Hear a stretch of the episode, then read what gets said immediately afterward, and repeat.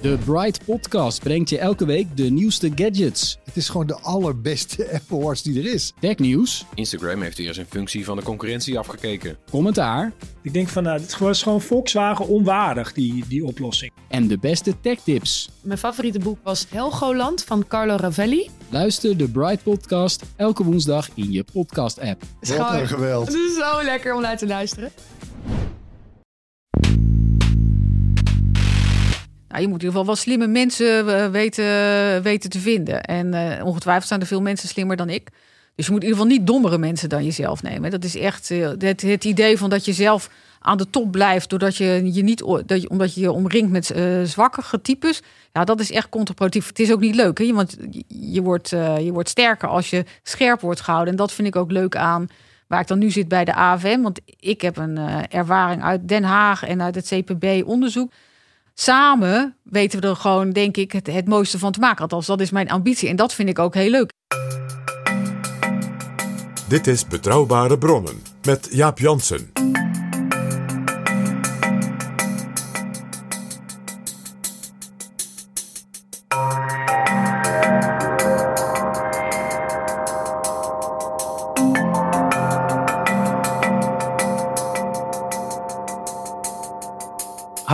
Welkom in Betrouwbare Bronnen, aflevering 144.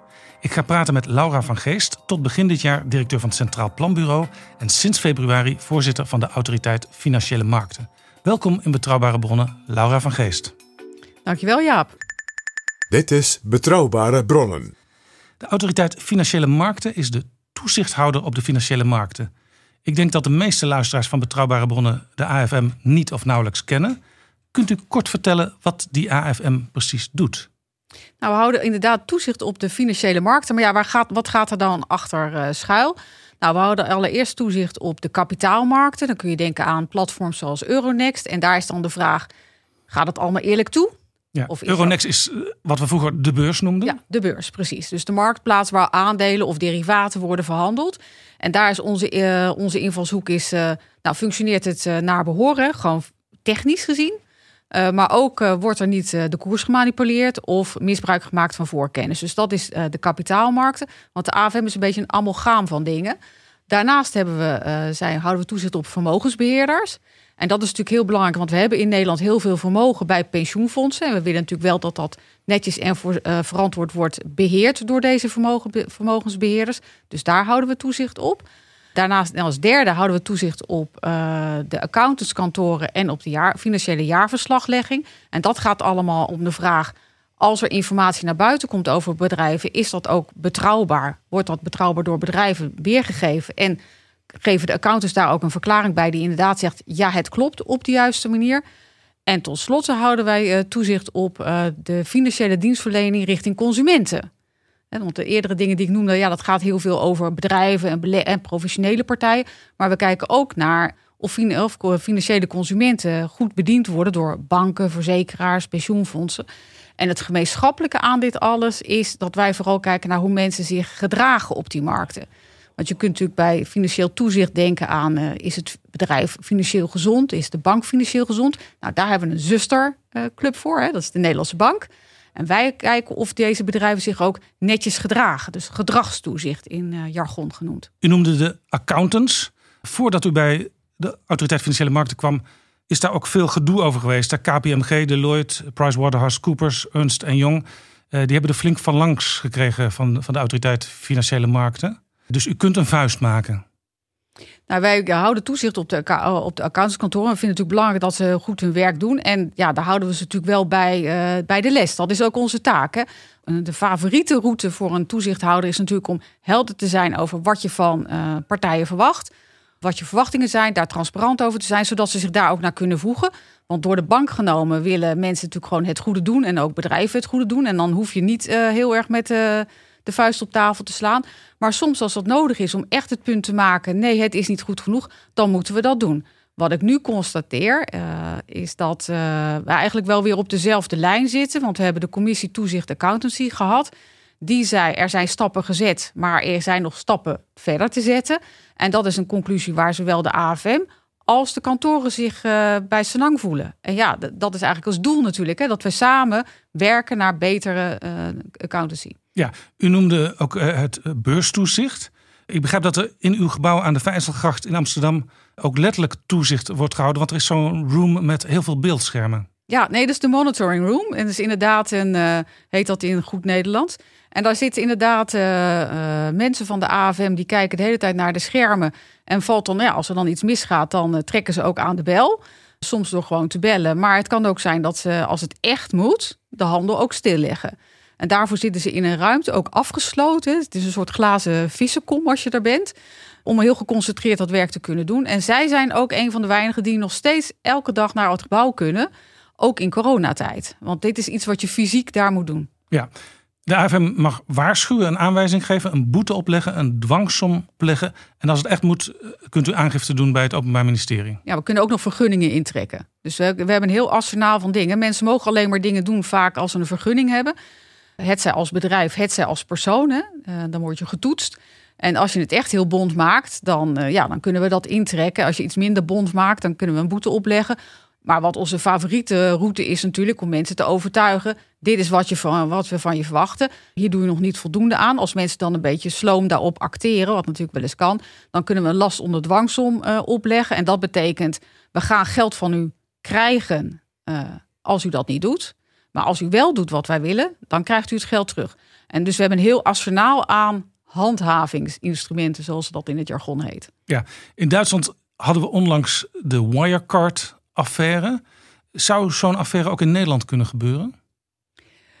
Nou, ik, ik zeg altijd nooit nooit, hè. Maar de, en we hebben ook wel, nadat deze affaire zich natuurlijk openbaarde, hebben we ook wel even in eigen kring gekeken van, ja, kunnen we onszelf nu uh, gewoon denken, nou, dit gebeurt nooit bij ons, of uh, moeten we toch even opletten? En toen hebben we wel gekeken, wat zijn nou de overeenkomsten en de verschillen tussen de Nederlandse en de Duitse setting? En er zijn wel een aantal belangrijke verschillen, zoals het toezicht op eh, de accountants en het toezicht op de, op de, hè, op de beurs uh, zit bij ons in één, is in één hand, hè, want dat is allemaal bij de AFM. We hebben daar ook, en dat is niet alleen allemaal bij de AFM, maar we praten ook met elkaar. Dus bij ons is het zo, als er een signaal afgaat, bijvoorbeeld een stukje in de FT, dan zouden wij daar toch even bellen met de collega. De accountant zou bellen met de kapitaalmarkttoezichthouder en andersom. Dus dat noemen we het, de signalentriage. Iedereen kent het begrip nu dankzij corona, denk ik. Maar even de klokken gelijk zetten. Ja, gewoon van, ken je, heb jij dat ook gehoord? Zie je dat? Nou, wij zouden ook, denk ik, als zoiets gebeurt, zouden wij ook gewoon... Ik zeg niet dat, uh, dat dat niet is gebeurd in Duitsland, hè, maar gewoon even, wat zouden wij hebben gedaan om even te kijken of je daar nou uh, gerust van zou zijn? Dat zouden we wederzijds weten. En we zouden daar ook wederzijds op acteren. Dus we zouden gewoon gaan bellen met de accountantskantoor van... goh, uh, wat is daar nou gebeurd? Hoe zit dat nu? Denkt u dat door het Nederlandse systeem... Zo'n probleem als met Wirecard ook eerder op het netvlies zou komen? Nou, ik denk dat er wel meer dingen bij in één, uh, doordat dingen meer in één hand zijn, dat je minder het risico loopt om signalen over het hoofd te zien. En daar dan ook op. En dus heb je ook meer kans om daarop te acteren. Zoals ik al aan het begin zeg, zeg nooit nooit. Het klinkt bijna als een politicus. Maar dat, dat is denk ik wel waar. Want eh, elke toezichthouder heeft een moment waarop je toch iets gemist kan hebben. Maar zijn er dingen waarbij het bij ons wij iets, ons minder onzeker voelen? Nou, wij volgen die markten uh, preciezer. We zitten er, we hebben meer onderling contact. We zitten ook relatief dicht op, op de sector. En in het, nou ja, het andere element wat uh, wij zijn bij het opleggen van short sell bans, hè, wat ook een van de aspecten die langs dus het, uh, dat je niet tekort mag gaan. Uh, nou, dat is iets wat bij ons wel echt heel zorgvuldig wordt afgewogen, waarbij we ons ook echt. Even uitleg, short sell bans. Ja, dat is zeg maar dat je, dat je zegt: ik ben bereid dat, ja, dan ik ben bereid om straks een stuk te kopen tegen een veel lagere prijs. Terwijl als de prijs is nu 10 en je zegt, nou, ik, ik doe dat dan tegen 8. Je speculeert. Ja, nou, speculeren is niet, maar je, je hebt een beeld over waar de echte waarde van het aandeel zich thuis hoort. En daar ben je bereid om een open positie op te nemen. Uh, dat is wat je dan doet. Een van de vragen die altijd opkomt uh, is van als dat gebeurt, als die, uh, als die transacties enorm stijgen, is dat nou een indicatie van marktmanipulatie of misbruik van voorkennis? Hè? Dat is, want je kunt natuurlijk voorstellen dat je zegt, nou ik praat die koers gewoon omlaag door allerlei uh, berichten uh, de wereld in te strooien. Dan gaan allerlei mensen gaan dan verschrikt reageren. En dan, nou, dan kan ik net op dat goede moment dat even opruimen. Dus nou, dat is natuurlijk niet wat je wilt. Dat zouden wij juist speculatie vinden. Maar dat is wel iets waar wij heel zorgvuldig naar kijken. En door de bank genomen is onze houding eh, dat dit short sell, dat dat een geautoriseerd mechanisme is in de markt. Hè, dat dat er met een reden is. Niet alleen om te speculeren, hè, wat, wat uw suggestie was, maar ook om gewoon je eigen posities adequaat af te dekken. Dat vinden wij prima, hè, want het is een normaal instrument in de markt om je posities te dekken. Maar het mag niet worden misbruikt. Daar zouden we echt heel precies naar kijken of we dat gevoel ook zouden delen. En een ander punt wat bij de Wirecard-affaire natuurlijk langskwam is dat een deel van de medewerkers van de toezichthouder ook in deze titels mocht handelen. Ja, dat is bij ons gewoon verboden. Dus bij ons is mensen die bij de AFM werken, mogen niet handelen in titels die, waar ze zelf toezicht op houden. Waar de AFM toezicht op houdt. Dus dat geldt zelfs voor iemand die in de spreekwoordelijke keuken werkt. die mogen dat allemaal niet. En als je wil handelen op titels die op een buitenlandse markt genoteerd staan, ja, dan moet je daar toestemming voor vragen. Ja, en in de praktijk gebeurt dat dus ook niet. Nee, Nee. Dus dat zijn allemaal dingen die wel de casus net iets anders maken. Uh, maar ik, ja, weet je, uh, mijn kennis van de casus is natuurlijk gebaseerd op wat ik in de krant lees. Ik ben zelf niet bij BaVin binnengevallen om daar onderzoek te doen. Dus als je denkt, ik kan persoonlijk door mijn slimme gedachtegangen uh, rijk worden door de handel in aandelen, dan moet ik niet bij de AFM gaan werken. Nee, maar als je bij de AFM komt werken, dan hou je ook toezicht. En dan is het natuurlijk heel goed als je weet hoe dat moet, want dan kan jij heel goed boeven vangen voor ons. Dat is denk ik ook wat we aantrekkelijk vinden. Heel veel mensen die bij de AFM werken, hebben ook een verleden in de sector. En dat vinden wij ook belangrijk, want dan halen we kennis binnen. Uh, maar het is niet zo dat je met je toezichthouderspet ook lekker kunt gaan speculeren. Nee, dat is net een beetje te wild. U noemde ook al de Nederlandse bank als uh, mede-toezichthouder.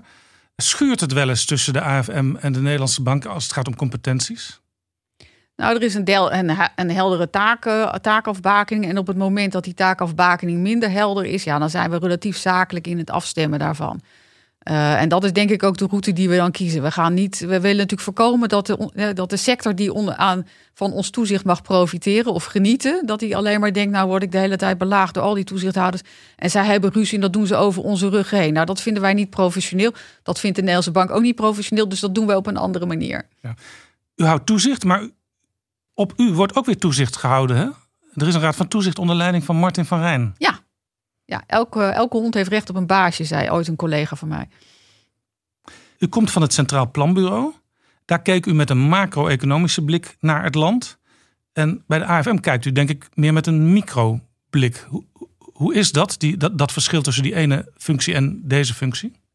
Nou, er zijn heel veel verschillen tussen de, de tussen de functies. Er zijn ook wel overeenkomsten. Ik weet niet of ik nou zelf de label macro versus micro zou doen. Maar ik denk, want ook eh, de financiële markten hebben natuurlijk wel echt een macro karakter. Uh, maar het, het, het veld is natuurlijk wel smaller waar je naar kijkt. De, de, de gelegenheden waarbij ik nog eens een keer als AFM'er kijk naar de maatschappelijke kostenbatenanalyse van de aanleg van een uh, zeehaven. Ja, dit, dat onderdeel van mijn werk is weg. De functie hiervoor was ik, werkte ik bij de Rijksbegroting. Ja, dan ging je over alles, inclusief de F35. Dus je gaat eigenlijk steeds minder breed werken. Ja, ik, het wordt steeds iets minder breed, maar ik zit er ook steeds iets dichter op. En dat maakt het, uh, dat maakt het wel aantrekkelijk, denk ik. We zijn sinds maart in de greep van het coronavirus. Uh, u bent een van de uh, topmensen in Nederland aan wie ik kan vragen: hoe staan we er voor als land? Ja, we staan. Ik denk dat de economie heeft echt een forse klap gekregen. Uh, en dat hebben we met z'n allen nog niet zo heel goed door. Of althans minder door de, de, de mate waarin we last hebben, is minder dan je zou verwachten als je gewoon naar de klap kijkt. Ja, er zijn natuurlijk allerlei steunoperaties, uh, zowel voor uh, mensen zelf als voor bedrijven. Dus met werkloosheid valt het mee, met het aantal faillissementen valt het mee. Ja, nee, de overheid, zowel de monetaire autoriteiten, dus de centrale banken, de, ECB, uh, nog praktischer te zeggen, die hebben natuurlijk uh, flink monetair gestimuleerd. Dus dat is een, uh, een, een buffer die is aangebracht. En de Nederlandse overheid heeft natuurlijk een hele reeks aan steunpakketten nou ja, het licht zien schijnen, doen schijnen. en ja, dat heeft natuurlijk eigenlijk een deel van die, die heeft een deel van die klap die er is gewoon gebufferd. Maar daarmee is die klap niet weg. En, uh, nou, en dat maakt het nu eigenlijk een hele rare tijd. Want je weet uh, dat het enorm hard regent buiten. Je hebt dat regenpak aangedaan. Maar het is nu al best wel nat. En er is natuurlijk een moment waarop het door gaat slaan. En je veel meer, verwacht ik althans. En daar ben ik niet uniek in, hè, want ook de andere ramers zeggen dat. Moet niet zeggen ook de andere ramers. De, de ramers zeggen dat, moet ik natuurlijk tegenwoordig zeggen. Dus je verwacht dat de werkloosheid echt flink gaat stijgen. Je zou toch verwachten dat de faillissementen eh, toe gaan nemen. En dat betekent ook dat mensen nu natuurlijk ook helder is dat de coronavirus niet iets is van drie maanden en daarna laten we het allemaal weer gezellig achter ons. Maar we er echt op in moeten stellen dat dat nog wel even zo blijft. En misschien is er straks de ene pandemie voorbij, maar dan komt de volgende eraan. Ja, moeten we onze economie ook anders inrichten. Ja, dus u zegt ook, ehm, als we een vaccin vinden, als we dit hopelijk tijdelijke probleem oplossen, uh, dan is dat niet voldoende. Want er kunnen weer nieuwe pandemieën komen. De economie moet echt op een nieuwe manier worden ingericht. Ik ben natuurlijk geen viroloog, even voor de helderheid. Maar dit is natuurlijk het grappige van mensen die kijken naar de toekomst. Wij doen dat bij de AVM ook. We hebben van die eh, studies waarin we dan laten zien hoe het, uh, wat wij verwachten, wat er op ons afkomt. En daarin praat je altijd over dingen die je, die je op korte termijn verwacht. En pandemieën staan al heel lang op het lijstje van op termijn zal het ons overkomen. En je ziet het natuurlijk steeds meer, hè, want je hebt SARS en uh, je hebt er een aantal van gehad. Dus de vraag is wel of, of we nu moeten denken, nou dit is eenmalig en over honderd jaar zijn we weer aan de beurt. Ik, ik vermoed dat dat wel dichterbij is, maar ik, zoals gezegd, ik, ik ken mijn plaats. Ik ben geen, ik ben geen viroloog. Maar dat betekent wel, als je naar de economie kijkt, eigenlijk twee dingen. Eén, er is echt een klap geweest. En daar moeten we van bijkomen. En een deel van de bedrijven die het nog net volhielden, Hè, omdat we aan een hoogconjunctuur zaten, het nog net volhielden. Ja, die zijn nu echt aan, door het ijs aan het zakken. En dat gaan we gewoon nog een tijd. Uh, ja, dat gaan we merken. En daar komen nieuwe bedrijven voor terug. Dat, wordt niet de hè, dat worden niet de oude bedrijven, er komen nieuwe bedrijven voor terug. Nieuwe bedrijvigheid. En dat is ook positief. En het tweede wat ik zeg is, ja, ik, ik zou niet gelijk denken als we nou, ik hoop dat dat vaccin er binnenkort uh, is en dat we er ook allemaal uh, van gebruik van kunnen gaan maken en dat we deze tijden achter ons la kunnen laten. Maar dat je instelt op het feit dat dit niet iets is voor één keer in de honderd jaar. Dat we niet net zoals nu gaan we allemaal terug naar uh, de, de Spaanse griep, geloof ik. En dan denken we, oh ja, wat was er ooit? Nou, dan gaan we terug naar de Spaanse griep. Nou, dat zou best wel eens kunnen zijn dat die periode die ertussenin zit wel wat, wel wat ja, korter is. Zijn we daardoor, de Spaanse griep, dat was tijd van de Eerste Wereldoorlog, 1418. dat dat zo lang geleden was, zijn, zijn we daardoor eigenlijk te laks geweest. Dan hebben we de waarschuwingen. Bijvoorbeeld Bill Gates heeft een jaar of vijf geleden nog een hele zware waarschuwing gegeven. Hij zei: het gevaar van pandemieën is, is eigenlijk groter dan het gevaar van de atoombom. Uh, dat hebben we eigenlijk genegeerd, zegt u. Nou ja, volgens mij is het altijd moeilijk om de Black. Je weet nooit wanneer de Black Swan landt. Hè? Dat, dus het, het is niet helemaal een unknown unknown hè? in het jargon.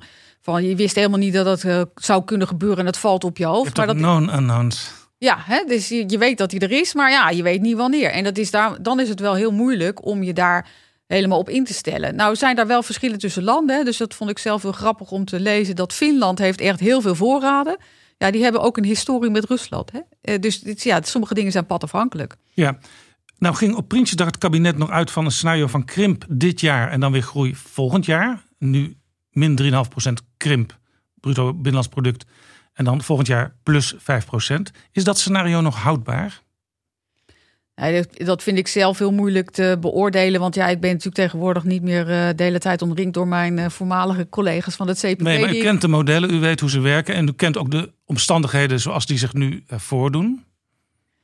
Ja, ik, ik, kijk, mijn verwachting is wel dat dit plaatje minder gunstig zal zijn. Omdat tijdens de Prinsjesdag hadden we nog te vaag gehoopt dat de tweede golf nou ja, zich niet in deze mate zou voordoen. Hè?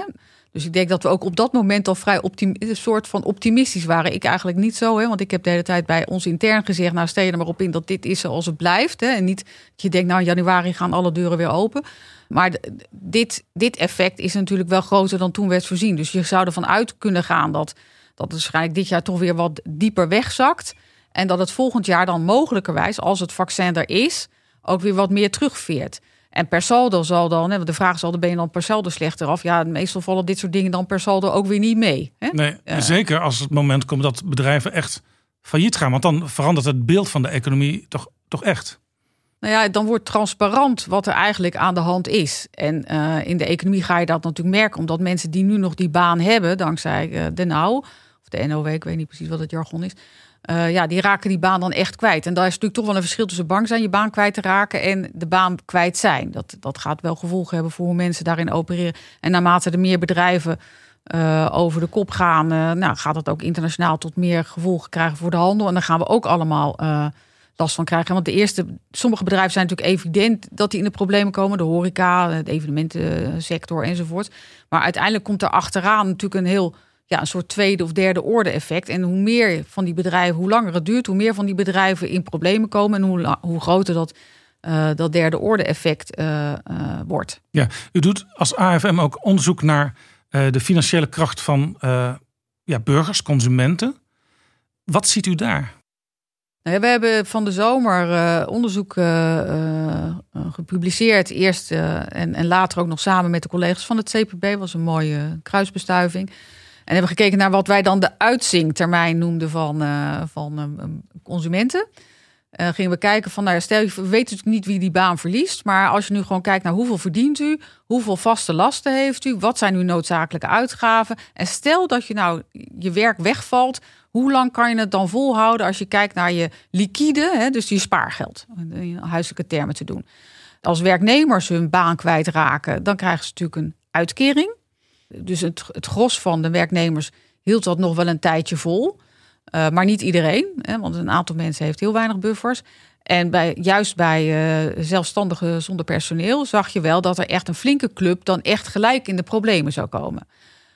Nou, daar heeft de overheid natuurlijk in zekere zin ook op geacteerd om dit probleem te ondervangen. Want nu heb je tegenwoordig de TOZO en uh, TOZO 1, TOZO 2. En er zijn allerlei uh, mechanismes voor, uh, gemaakt. Maar daar was wel extra handwerk voor nodig om die mensen op het droge te houden. Ja, dit is ook een beetje de, de problematiek die Hans Borstlap met zijn commissie duidelijk heeft gemaakt. Hans Borstlap was ook de gast in Betrouwbare Bronnen. het verschil in Nederland tussen mensen met flexbanen en nu blijkt dus ook de wat beter verdienende ZZP'ers en mensen die in vaste dienst zijn, is heel erg groot. Zeker. Ja, dat hebben we ook in het. Uh, dat hebben we eerder ook uh, bij het CPB gesignaleerd. En we hebben ook gezegd dat is niet een uh, natuurwet. Dat heeft ook iets te maken met hoe je zelf de menselijke wetten maakt. Dus ja, is dit de keuze die je wil maken met elkaar? En nou ja, daar heeft vervolgens zijn er ook weer. Dat is een discussie die in Nederland loopt. Geculmineerd in het rapport van, van Borslab. Uh, waarvan ik dan uh, ook aanneem dat ja, deze crisis nog eens extra onderstreept wat de actualiteit van dit rapport is. En ja, je, je zou toch denken dat is dan een mooie aanleiding om. Uh, nou, binnenkort zijn er verkiezingen in Nederland en dan heb je formaties. En dat is het moment waarop je spijkers met koppen kunt slaan, ja. zoals mensen dat zeggen. Dus ik zou zeggen, go for it. Ja. In april had u als AFM het jaarverslag. En daarin maakte u zich zorgen over midden- en kleinbedrijf. En ook geldnood bij het midden- en kleinbedrijf. Uh, nou hoorde ik op BNR Sylvester Eifinger, de econoom, uh, praten over dit probleem. En hij zei, ja, de kredietbeoordeling is best wel ingewikkeld geworden in Nederland. En het wordt vaak voor banken te duur om alles volgens de regels te controleren. En als de banken ja, dat eigenlijk niet kunnen, ja, dan wordt het ook moeilijk om krediet te krijgen als midden- en klein bedrijf. Deelt u die analyse? Nou, wat wel, uh, als je kijkt naar de cijfers, dan zie je wel dat het, uh, het MKB in Nederland het, het, ingewikkelder vindt om aan krediet te komen dan in sommig buitenland. Hè? Daar is dus een verschil. Ja, dus ze vragen, ze vragen minder krediet aan en uh, ze worden vaker afgewezen. En het rentepercentage wat je in Nederland betaalt is, is hoger. Dus in die zin dat, dat, dat, dat mensen dat signaleren, dat is, dat is wel waar. Ik weet niet zeker of ik nou de subtekst ook wil overnemen. Dat we dan al die regels die we hebben, dan maar op de uh, op de grote hoop moeten gooien. Dat zou niet mijn conclusie zijn. Ik denk wat wij in het, uh, uh, bij het jaarplan of bij het jaarverslag hebben willen zeggen is. We hebben toen geconstateerd dat het bankwezen zei van goh, als je bij onze lening hebt en je bent in de problemen, dan willen we op dit moment met je meedenken. En daarvan hebben wij als AFM gezegd, nou, wij houden weliswaar geen toezicht op het MKB, maar het is goed dat de banken willen meedenken. Maar let op, maak nou niet uh, de oplossing van vandaag, moet niet het uh, probleem van morgen worden.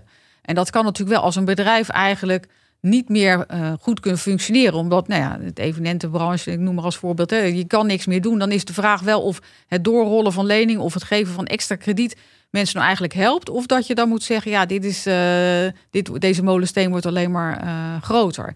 En daar hebben wij op de, bij die gelegenheid voor willen waarschuwen. Ja. Uh, want meer krediet is niet altijd de oplossing. Hè? Als je al heel veel schuld hebt en, het bedrijf, en je bedrijfsmodel is niet levensvatbaar, dan is meer krediet alleen maar meer ellende. Zou het handig zijn als er weer een echte midden- en kleinbedrijfbank komt? Vroeger had je daar speciaal de middenstand, de Nederlandse middenstandsbank voor. Dat is ook een suggestie van Sylvester Eifinger.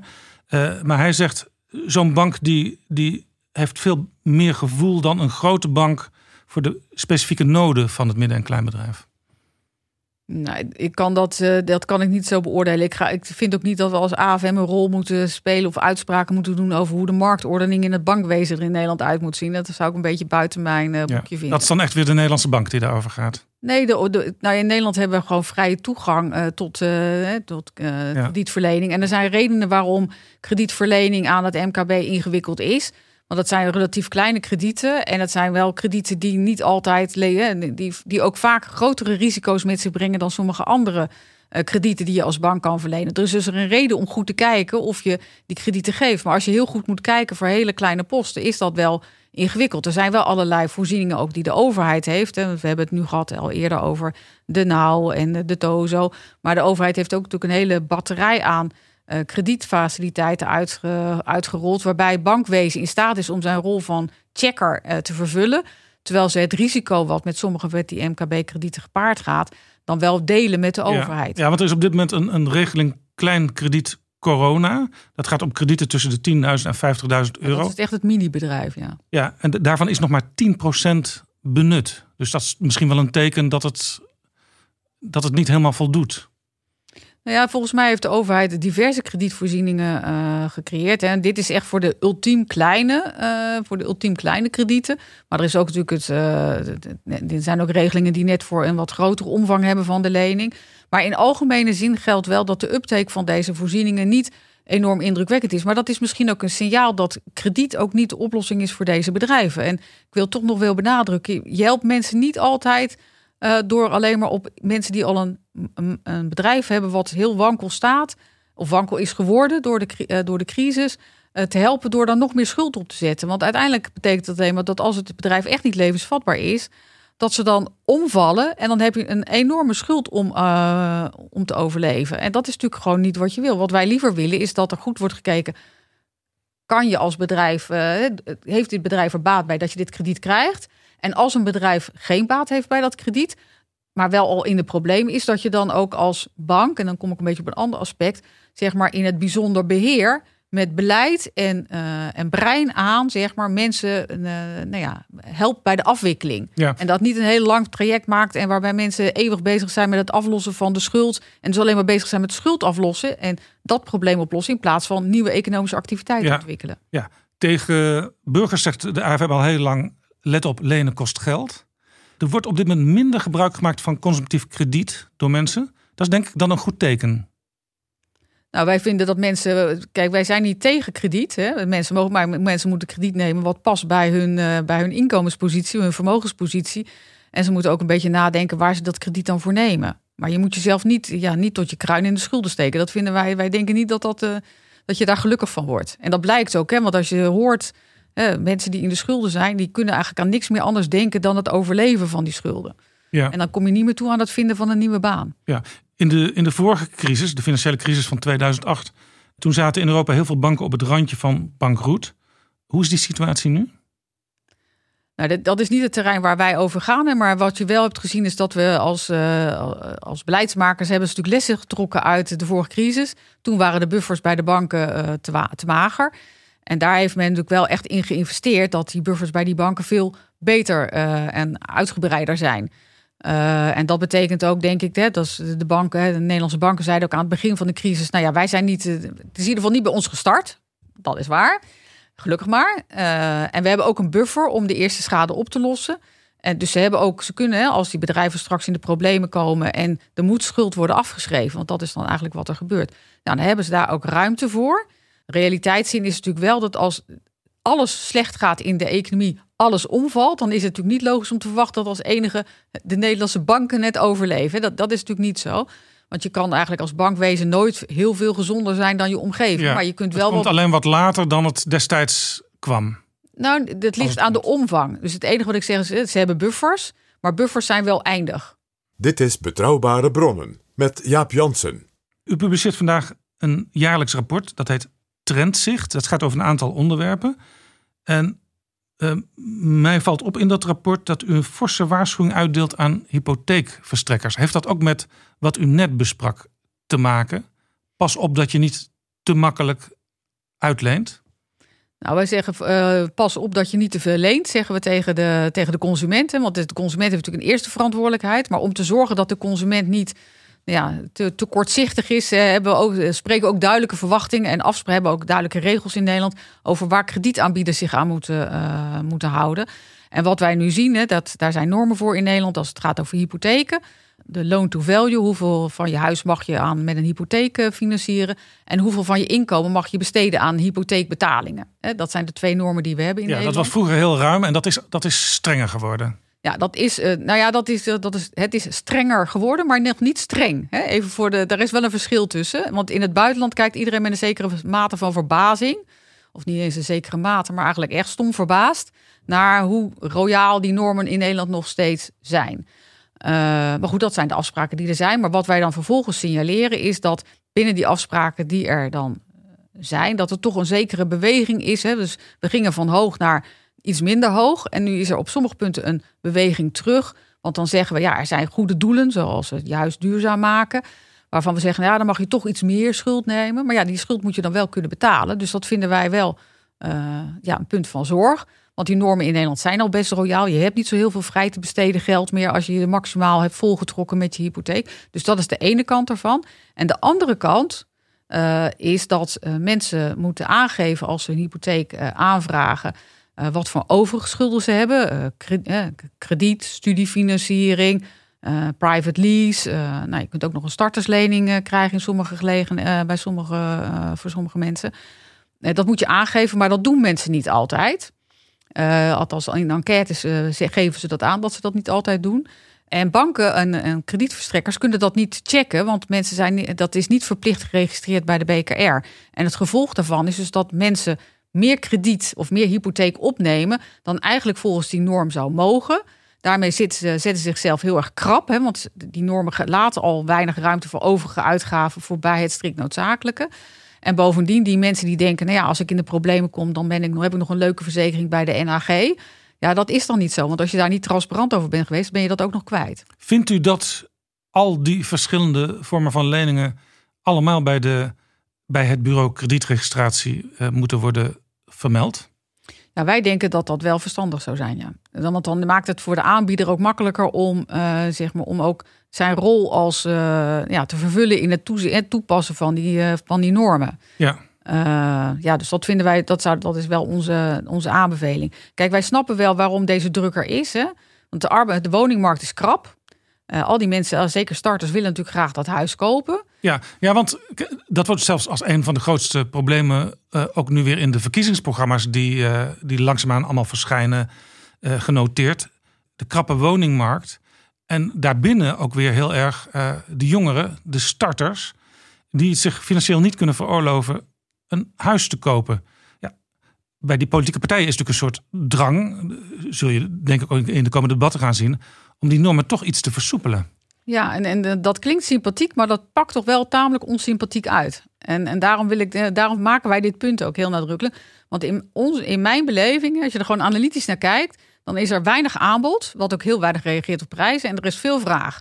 En al die verruiming van die normen betekent eigenlijk alleen maar dat die vraag meer wordt. Er komt meer vraag en ja, zelfde aanbod, meer vraag betekent hogere prijzen. En dat betekent dus dat die starter op de, uh, starter op de woningmarkt, ja, die wordt eigenlijk niet geholpen, want daar wordt het eigenlijk alleen maar duurder voor. Degene die hiervan profiteert zijn mensen die al een huis hebben, zoals ik, hè, wiens waarde van het huis hoger wordt. Als je zegt, wat ik wel herken, de woningmarkt is krap, dan moet je zorgen dat er meer aanbod komt. En dan moet je kijken naar ruimtelijke ordening vraagstukken. En dat is ingewikkelder, taaier, uh, weerbarstiger. Al deze termen passen daarop. Maar dat is niet de reden om daar dan niet aan te gaan werken. En dat is lastiger en minder met een pennenstreek te doen, maar wel belangrijk. Ja, en dus dat is ons punt. Meer bouwen, niet de regels die er nu zijn versoepelen. Nee, want het leidt alleen maar tot hogere prijzen. U waarschuwt, maar u kunt als AFM niet ingrijpen hier. Nee, wij stellen de normen niet vast, maar we kunnen wel, en, en dat vind ik ook wel een rol van een toezichthouder. Want wij hebben. Wie, wie stelt de normen vast als het ministerie van Financiën? Ja, ja of BZK, een van de twee. In ieder geval. Uh, maar in ieder geval, de, de, de politiek stelt die normen uiteindelijk vast. Maar wat wij, wel, wat wij wel als onze rol vinden is: kijk, wat is mijn doel in het leven? Is om te zorgen dat deze consument uh, in kwetsbare positie beschermd wordt.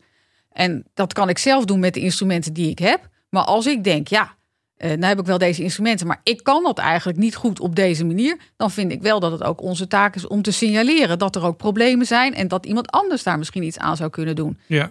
Maar heel veel jongeren denken, ja, uh, mij als consument beschermen. Ik ben het beste beschermd als ik een dak boven mijn hoofd heb. Zeker, maar je bent niet beschermd als je straks een dak boven je hoofd hebt. En dan, nu heb je natuurlijk die gezellige partner. En uh, dan ga je aan dat huis en dan heb je allebei een baan. En dan heb je dat huis gekocht. En dan wordt het opeens wat minder gezellig. Want een van de twee raakt de baan kwijt. Of die partner en jij, die houden toch niet minder van elkaar dan je had gehoopt. En dan zit je daar met deze enorme schuld. En daarvan weten we, als mensen in schulden raken, daar worden ze echt heel ongelukkig van. En dat heeft ook allerlei uitstralingseffecten en andere dingen. En daar moeten we mensen tegen beschermen. En ja, dat is de rol van de toezichthouder, is om ja, mensen te beschermen tegen hun eigen ja, kortzichtigheid. Klinkt dan heel onaardig, maar ja, dat is typisch, uh, typisch voor mensen. Hè. Mensen hebben minder de neiging voor de lange lijn en uh, kijken meer naar de korte lijn. En omdat je daartegen moet worden beschermd, hebben we juist wetten en toezichthouders. Ja, u noemde net uh, het feit dat als je een uh, lening hebt afgesloten voor je studie als student, dat dat ook meetelt als je een hypotheek gaat aanvragen. Vindt u het verstandig in dit kader dat de politiek nu langzamerhand afscheid aan het nemen is van dat studentenleenstelsel? Nou, dat vind ik een ander type debat. Uh, want als je gelooft in mijn verhaal dat als je meer mensen meer ruimte biedt om kredieten, om lenen, uh, meer te lenen, dat dat uiteindelijk bij dezelfde aanbod tot hogere prijzen leidt, dan is dat eigenlijk niet de issue. Ik vind dat je over studiefinanciering los, uh, los moet kijken. Ja, nou ja, je maakt misschien het totale leenprobleem kleiner als je die studiefinanciering op een andere manier inricht. Nou ja, kijk, volgens mij of je die studiefinanciering, of je vindt dat mensen daarvoor moeten lenen of dat ze dat allemaal van het Rijk moeten krijgen. Ja, daar zijn volgens mij kun je verschillende manieren naar kijken. En het ene is dat mensen die studeren vaak uitzicht hebben op een, een mooiere baan en daardoor ook meer beter in staat zouden zijn om die lening te terug te betalen. En is het zo redelijk dat mensen met die kleine baan, die uiteindelijk niet studeren en die dat lage inkomen houden, eigenlijk dan een subsidie geven aan mensen met dat ja, in potentie hogere, hogere inkomen?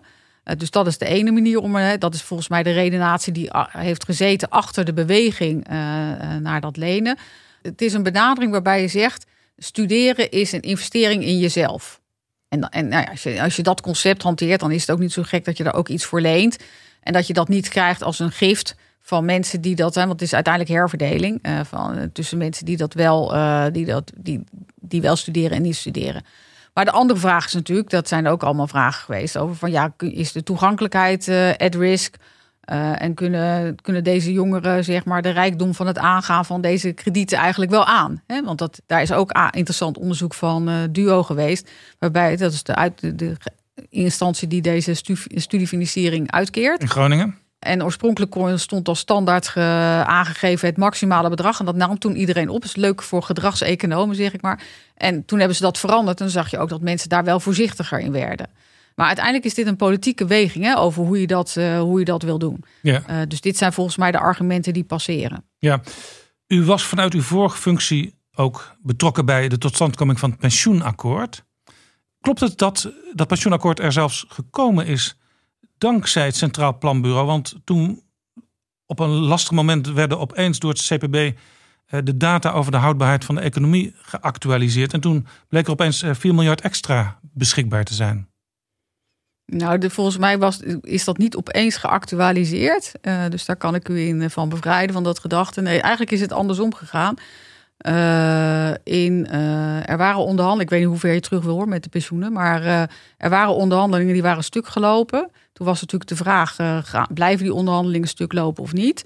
Ik dacht, ja, je weet maar niet. Ik ben natuurlijk iemand van verzekeren, dus ik dacht, je weet maar niet. Het gaat misschien wel toch. ja, werkgevers, werknemers zaten bij elkaar. Sociale zaken was bij betrokken, financiën was bij betrokken, sociaal-economische raad hielp mee, maar ze kwamen er niet uit. Ja, nou, wij hebben toen in januari al uh, hebben wij gedacht van we moeten nog kijken of de sommen die we hebben gemaakt, of die nog steeds actueel zijn. En ik heb dat vooral eigenlijk gedaan in alle eerlijkheid, omdat ik dacht dat de eh, cijfers ongunstiger zouden uitpakken. Dus een schrikbeeld. Ja, en ik dacht, ja, dan hebben ze straks een akkoord gesloten. En dan ga ik uh, drie maanden later vertellen, ja, nee, je, hebt toch niet, je kunt toch niet betalen. En ja, dat dan zou de hel losbreken. Precies, dat, nou dat is niet waar ik dan op uit ben. Dus uh, althans waar ik naar uitkijk, dan vertel ik mensen dat liever maar van tevoren. Dus toen heb ik tegen mijn tegen de CPB'ers gezegd. Nou, het zou me een lief ding waard zijn als we nou die sommen nu alvast updaten. Want dan kunnen we dat nu alvast waarschuwend eh, markeren. Uh, nou, die sommen hebben we. Uh, die sommen, en dat heb ik ook uh, langs de binnenlijn ook tegen mensen gezegd. Hè. Let op, wij gaan die sommen actualiseren. Dat zou wel eens naarder kunnen worden. Let op. uiteindelijk zijn we, nou, hebben, de, hebben ze die apparaten heel lang laten stampen. En, en uiteindelijk was het resultaat. Ik zal niet de techniek ingaan waarom dat zo was. Was het resultaat gunstiger. En dan is het ook weer onlogisch om dat niet te melden. Uh, en dat is zoals het is gegaan. Ik denk overigens zelf, waar een wil is, is een weg. Als je nu ziet hoeveel geld er wordt uitgegeven, dan is, dat, is dat bedrag wat aan dat pensioenakkoord langs die vergrijzingssommen is gedoteerd, is natuurlijk, ja, valt daarbij in het niet. Dus ik zou zelf niet willen zeggen dat het daardoor komt. Ja, dat nieuwe pensioensysteem wat over vijf jaar ingaat, daar krijgen mensen meer ruimte voor eigen keuzes. Je zou zeggen dat is mooi. Maar kunnen de meeste mensen eigenlijk wel goed kiezen als het gaat over zoiets groots en zo abstracts als het toekomstige pensioen? Nou, dat is inderdaad een terechte, terechte vraag. Nou is het natuurlijk zo dat het pensioenstelsel wordt in Nederland aangepast, maar heel veel dingen blijven ook wel hetzelfde. Zoals je bent verplicht aangesloten bij een pensioenfonds. Dus in die zin is het niet zo dat mensen helemaal uh, aan hun eigen, op hun eigen verantwoordelijkheid worden teruggeworpen. Maar binnen die verplichte pensioenfonds Daarvoor gaan we iets minder voor de cookie cutter. Iedereen krijgt precies hetzelfde. Daarvoor is er iets meer keuzevrijheid. Nou, dat is op zichzelf uh, positief, denk ik, omdat uh, het Nederlandse pensioenstelsel wordt internationaal ja, helemaal op nummer één gezet. En als we het iets minder doen, dan is dat altijd op dat totale gebrek aan keuze, uh, keuzevrijheid binnen ja, het Dus dat wordt iets verruimd. Je krijgt iets meer keuzemogelijkheden ja. binnen je ja. eigen pensioen. Ja, en dat, dat, wordt niet, hè, dat wordt ook weer niet waanzinnig veel, maar wel iets. En daarvoor, ook al, hè, ook al is die keuzevrijheid dan ook weer niet onge, ongelimiteerd, vinden we het wel belangrijk dat consumenten daar goed, of uh, deelnemers aan het pensioenfonds moet ik dan natuurlijk zeggen, daar goed uh, over worden voorgelicht. Dus wij vinden het belangrijk dat de keuzemogelijkheden die dan in zo'n pensioenregeling worden gemaakt, passen bij de deelnemers die in, die, eh, in dat pensioenfonds zitten. Want een pensioenfonds voor de zorg ziet er toch heel erg anders uit dan een pensioenfonds in de metaal. Hè? Want het een heeft veel deeltijdwerkers, andere niet. Lage inkomens, hoge inkomens. Dus dat je dingen maakt, hè? keuzeopties creëert die passen bij het deelnemersveld. En dat je ook vervolgens uh, mensen zelf ook helpt bij het maken van die keuzes. Dat ze daar ook wel goede voorlichting en informatie over krijgen. En, en niet uh, ja, een, boekwerk met uh, heel veel kleine lettertjes waar je dan geen touw aan vast kunt knopen. Ja, in het oude systeem, daar is steeds discussie. Je ziet het nu ook weer in de kranten. Uh, ja, misschien moet er wel bij bepaalde pensioenfondsen gekort gaan worden aan het eind van het jaar. Mensen zijn daar onzeker door. Over dat nieuwe systeem wordt door de mensen die erbij betrokken waren bij het, bij het opstellen daarvan eigenlijk heel relaxed gepraat. Hè? Is dat niet gek? Want ook in dat nieuwe systeem zijn toch heel veel onzekerheden. Want ja, die pensioenfondsen die beleggen en je weet nooit precies wat het rendement van die pensioenbeleggingen is. Nee, dat is uh, zeg maar uh, het feit dat we vooral geld uh, ophalen of geld hebben, dat beleggen en dat dat rendement daarop onzeker is, dat is, dat, is, dat, dat, is onvermijdelijk aan een kapitaalgedekt stelsel. Wat denk ik wel anders is in het nieuwe stelsel, is dat we daar van tevoren ook eerlijk over communiceren. En een deel van het probleem wat nu is, van nu, is dat mensen ja, al dan niet terecht het beeld hebben gehad dat het goud gerand was uh, met diamanten en dat er nooit wat aan zou veranderen.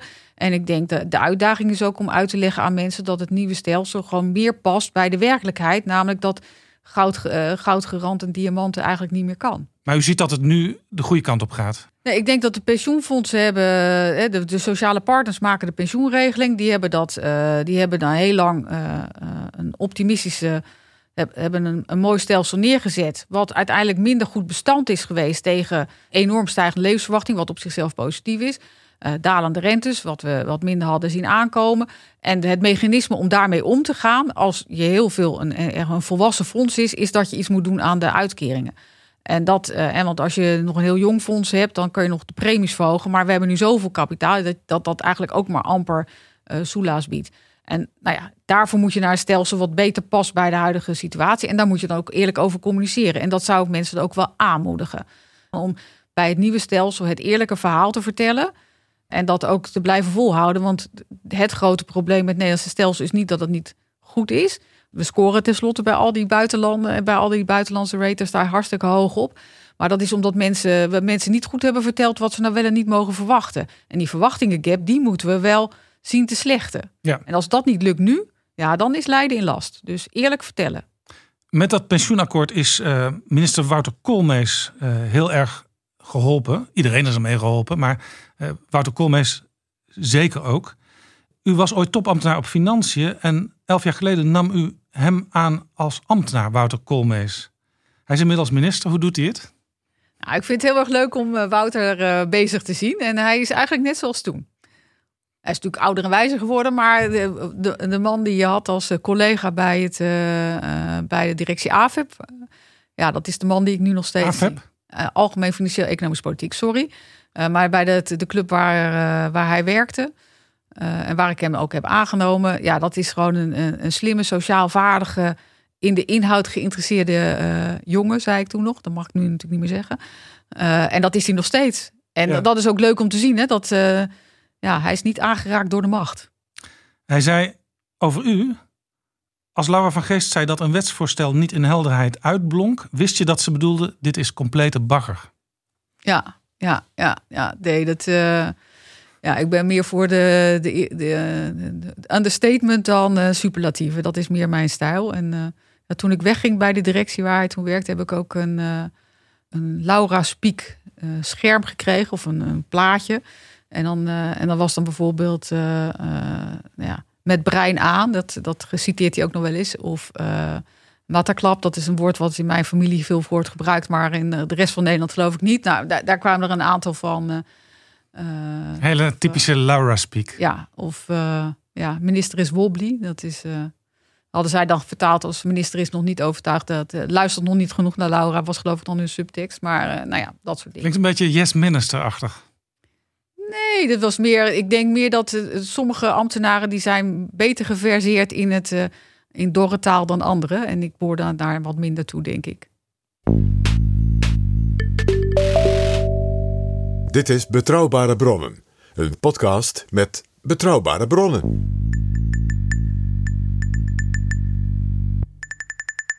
We gaan weer even terug naar uh, uw werk nu bij de AFM. U houdt toezicht op de financiële markten. En die staan voor een forse gedaanteverandering. Want grote tech-giganten, bijvoorbeeld Google, Facebook, Apple, Amazon, die maken zich op om zich ook op de financiële markt te begeven. Wat is daar aan de hand? Hoe kijkt u daarnaar? Nou, wat, je, uh, wat je ziet is dat uh, de uh, data natuurlijk steeds belangrijker zijn om producten te, ja, zeg maar, steeds belangrijke grondstof zijn uh, waarmee je allerlei producten aan de man kunt brengen. En ook bestaande producten nog weer beter kunt richten op consumenten ja, of op. Uh, want die bedrijven die weten alles over de consumenten die bij hun diensten zijn aangesloten. Ja, en, en, en daar kunnen ze natuurlijk ook gebruik van maken om producten dan weer beter te, ja, te richten op deze mensen. Of als je iemand een. Dat kan in Nederland niet even voor de helderheid, maar om het een beetje te zinnenbeelden. In sommig buitenland kan je natuurlijk zien wat mensen aan allemaal aan medicijnen en dingen hebben. En dan kun je, als je dat dan weet, dan kun je ook weer eens nadenken of je dan die gezondheidsverzekering aan deze persoon wil verkopen. Ja, toch denken veel mensen als consument. Fijn dat ze veel van mij weten, want dan hoef ik niet al die onzinnige reclame bijvoorbeeld te zien die niet op mij gericht is. Ja, maar het heeft ook een prijs. Hè? Dus de prijs is dat, dus waar wij bezorgd, waar wij in ieder geval aandacht voor vragen, is dat die bedrijven zijn natuurlijk uh, heel rationeel uh, werkend. Gebruiken allemaal algoritmes. Die gebruiken die data optimaal om jou te bedienen. Maar jij denkt, hè, consumenten denken om mij te bedienen. Maar wat zij natuurlijk eigenlijk als uh, rekenregel hebben, is hen zelf te bedienen. En dat is niet altijd hetzelfde. Hè? Sterker nog, misschien vaak niet hetzelfde. en daar, dat is wel voor ons een bron, bron van zorg. Uh, en ik weet ook niet of die, die, die consument waar, waar u aan refereert, die zegt, nou fijn dat niet al die onzinreclames krijgt, of die ook zo blij is als blijkt dat hij dan vervolgens drie keer zoveel moet betalen voor iets, omdat, we, uh, omdat uit de data-analyse blijkt dat je zo graag dat wil hebben dat jij niet voor 10 euro dat voor hoeft te betalen, maar dat je ook nog bereid 30 euro te betalen. Op dat moment gaat het enthousiasme denk ik er wel een beetje aan. Ja, ja we uh, dus weten nu al dat als je, als je googelt, dan krijg je vaak bedrijven die door Google leuk worden gevonden, die krijg je als eerste te zien. En dat is misschien helemaal niet het bedrijf wat uiteindelijk voor jou het beste product ja, levert. Precies. Dus dat, nou, nou zijn dat, dat, dat is natuurlijk breder dan wat wij doen bij waar wij naar kijken als uh, autoriteit financiële markten. Want wij kijken natuurlijk vooral naar de financiële producten. Ja, maar, maar dit, dit soort bedrijven, Google, Facebook, ja. Apple, Amazon, zijn ook bezig met kredietverlening, verzekeringsproducten, ja. spaar, beleggingsproducten. Ja, nee, dus, dus, uh, dit is, uh, dus wij zijn daar wel, uh, wij zijn daar zeker alert op en hebben ook vragen daar ook aandacht voor. En vooral over die discrepantie tussen die data die zij dan hebben, eh, wat zij kunnen gebruiken voor om hun doelstellingen te realiseren, terwijl dat niet altijd het in, in het belang van de klant hoeft te zijn. Dus dat is het ene aspect. En het andere aspect wat je ziet is dat de klassieke bank heeft niet meer, nou eigenlijk zoals iedere, elk bedrijf, hè, ook de AFM, ook de AFM heeft niet meer alles in eigen huis. Ook wij hebben dingen uitbesteed. Maar ja, dat kan natuurlijk alleen maar gaat. Hè, dat betekent dat een deel van de dingen die je doet, dat je daar niet meer perfect weet hoe het gaat. Uh, en naarmate er meer wordt uh, van de IT wordt uh, nou ja, buiten het bedrijf wordt gezet en wordt ingekocht, terwijl daar wel hele belangrijke dingen gebeuren, is dat voor een toezichthouder natuurlijk wel een sport om daar dan toch adequaat toezicht te houden op het totaal. Want voor die klant is het natuurlijk van belang dat de dienstverlening goed verloopt. En is het eigenlijk minder van belang of dat bij de bank zelf fout gaat, als het fout gaat, of dat het fout gaat bij dat bedrijf wat de bank heeft inge. Dus het zou bij wijze van spreken kunnen gebeuren dat u als toezichthouder, die ook bijvoorbeeld moet kijken naar Apple en naar Microsoft, dat u ook gebruik maakt van ICT van die bedrijven. Nee, dat, dat, is niet wat ik zeg. Wat, wij, wat ik zeg is als je als bank. Uh, uh, banken zijn ook hele grote, hebben hele grote data, uh, datahuishouding. Een deel daarvan deden ze vroeger. Eerst deden ze alles zelf. En nu hebben ze daar andere, behuren ze daar andere bedrijven voor in. Maar voor jou als klant is natuurlijk van belang wat zij met die hele datahuishouding doen. En niet of dat nou toevallig bij dat, dat ingehuurde bedrijf zit of bij, uh, of bij henzelf. Maar wij vinden het natuurlijk wel belangrijk. Wij vinden dat die klant goed moet worden behandeld. En het interesseert ons geen snars. Of dat nou bij de ingekochte bedrijf zit of bij henzelf. Wij willen gewoon dat het, het bedrijf waar wij, de, bank waarbij wij het contact hebben, dat die dat goed doet. Maar dat is wel ander, dus dat is wel ingewikkelder. Dus wij zeggen er zijn meer data, dus dan moeten we sowieso meer toezicht op houden. Operational IT heet dat uh, toezicht en noemen we dat een luxe woord. En ons aangrijpingspunt is die bank. Ons aangrijpingspunt is niet het toevallige IT-bedrijf wat ze daarvoor in de arm hebben genomen. En dat maakt het wel spannender. Ja, de Deutsche Bank die werkt al samen met Google. Zijn daar al lessen te trekken of is dat nog heel pril? Nee, ze hebben een voornemen. Maar dat is wel een voorbeeld van. Je hebt de bank, is degene met, die de vergunning heeft, waar de toezichthouder grip op heeft. En Google is dat niet. Dus de vraag is eh, ja, hoe je dat dan wel goed voor elkaar krijgt. En dat is precies een illustratie van de, de sport. En nu we in de coronacrisis zitten en iedereen heel erg juist met allerlei technische systemen vanuit huis onder andere aan het werken is. Ja, dan kun je je voorstellen dat al die ontwikkelingen alleen nog maar versneld worden. Mensen gebruiken natuurlijk meer IT, ze kopen meer, ze kopen meer uh, online. Hè. Dus, dus dat zie je wel, uh, dat zie je inderdaad wel toenemen. En dan hopelijk ook dat mensen daar steeds wijzer in worden over hoe je daarmee om moet gaan. Ik denk voor ons is ook nog wel een interessante vraag is, hè, want we hadden het al eerder over de de samenwerkingen maar met andere toezichthouders, met de Nederlandse Bank. Maar dit is natuurlijk ook nog wel een spannend vraagstuk. Hè? Want uh, wij houden toezicht, maar je hebt natuurlijk ook de autoriteitspersoonsgegevens die houdt toezicht. De Nederlandse toezichthouders zijn er, maar je hebt ook internationale toezichthouders. Dus dat is ook nog wel een uitdaging in het geheel. Dus er zijn verschillende dingen die het uh, ja, interessant maken. Maar daarom is het ook leuk om bij de AFM te werken. Ja, ja u moet dus ook vaker gewoon conferenties houden met de collega toezichthouders, houders, zowel in Nederland als in Europa en de rest van de wereld. Ja, dat doen we wel heel saai tegenwoordig met WebEx natuurlijk. Maar dat, uh, in theorie ga je elkaar wel meer spreken, ja. Ja. We hadden het eerder in dit gesprek over uh, de coronacrisis en wat dat betekent voor Nederlandse consumenten, Nederlandse uh, mensen die aan het werk zijn, bedrijven. Laten we even nog iets hoger gaan hangen en even kijken naar de wereldhandel.